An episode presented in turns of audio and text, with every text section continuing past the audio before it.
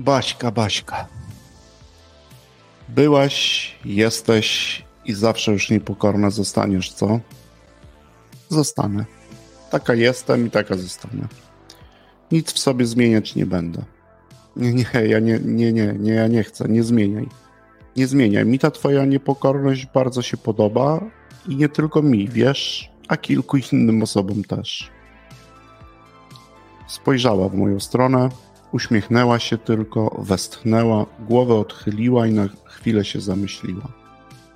A ja w tym jej zamyśleniu historię o niej wam opowiem.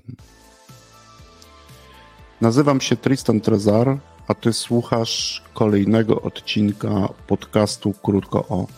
Podcastu codziennego, który współprowadzę z Konradem. Baśka. Normalnie właśnie ta Baśka, jak trochę młodsza była, to o pracy w Warszawie marzyła. Myślała o niej często i często też tam tej pracy szukała. Pewnie nie jeden z Was, słuchacze, i nie jedna z Was, słuchaczko, o takiej pracy kiedyś w Warszawie marzyła, a teraz tą pracę ma.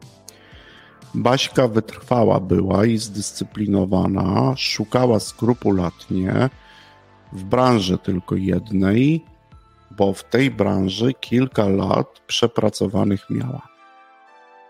I wreszcie tą pracę znalazła.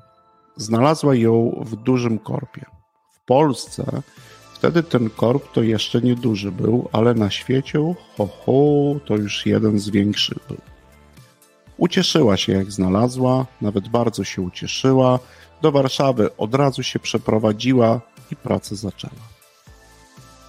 I wiecie co?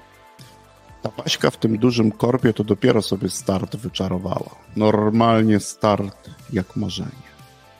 Normalnie start jak z amerykańskiego snu lub filmu, lub też filmu o amerykańskim śnie.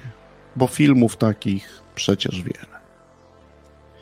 No normalnie nie uwierzycie mi, wiary nie dacie, ale Baśka z ulicy, z ogłoszenia weszła i normalnie w pierwszym roku sprzedażowo ostro pozamiatała. Najpierw grzeczna była. Oj, bardzo grzeczna była. Najpierw na kawę, herbatę się umawiała ze wszystkimi i wszystkich w firmie grzecznie pytała, co powinna robić, by swoje targety zrobić. A później co? A później wiadomo, robiła. Trochę coś tam od siebie dodawała, coś modyfikowała, ale przede wszystkim robiła. I tak się z partnerami handlowymi dziewczyna narobiła, że po pierwszym roku sobie sprzedażowego Oscara wyczarowała. Normalnie nagrodę dostała. Normalnie najlepsza była i dlatego nagrodę dostała. Cieszyła się tym bardzo, tym bardziej, że była pierwszą osobą, która taką nagrodę dostała, a tempem była, czyli takim pracownikiem przez agencję, a nie bezpośrednio przez korp zatrudniona ona była. Tak się cieszyła, tak się tym cieszyła, że drugi rok jeszcze lepszy miała niż pierwszy. Można powiedzieć, że o niebo lepszy miała ten rok. Znowu najlepsza była i znowu wszyscy w koło mówili, że Oscar do niej trafi, bo kategorii kryteriów zarząd nie zmienił. A ona jak to ona, nic nie mówiła. W ciszy, w skupieniu, w milczeniu. Uśmiechała się tylko i wciąż z partnerami handlowymi swoje robiła. Tak dzień po dniu, godzina po godzinie. Ale mimo wszystko cieszyła się do końca nie odpuściła, do końca to, co zaplanowała, zrobiła. I kolejny rok zamknęła tak, że ho, ho, tylko brawa bić.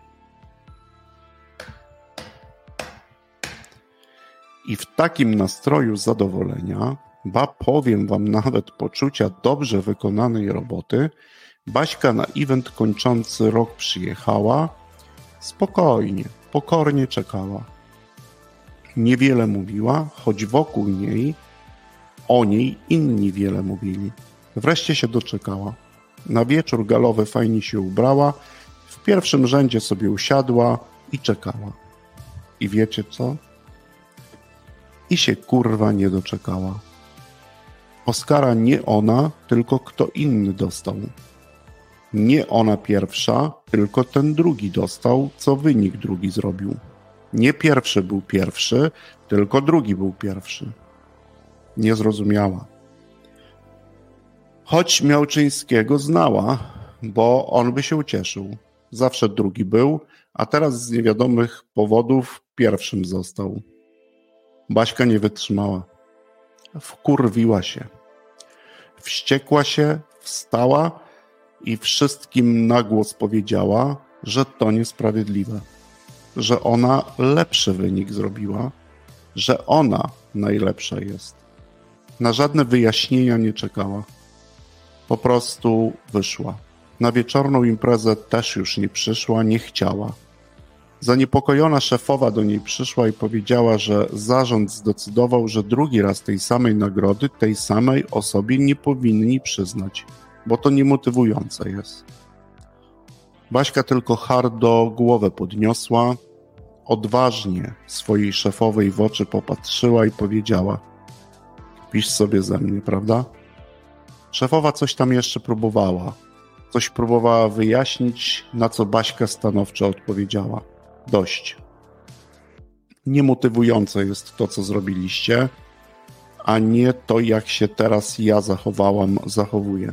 Mam to gdzieś. Chwilę później po tych słowach wstała, spakowała się i do domu w nocy pojechała.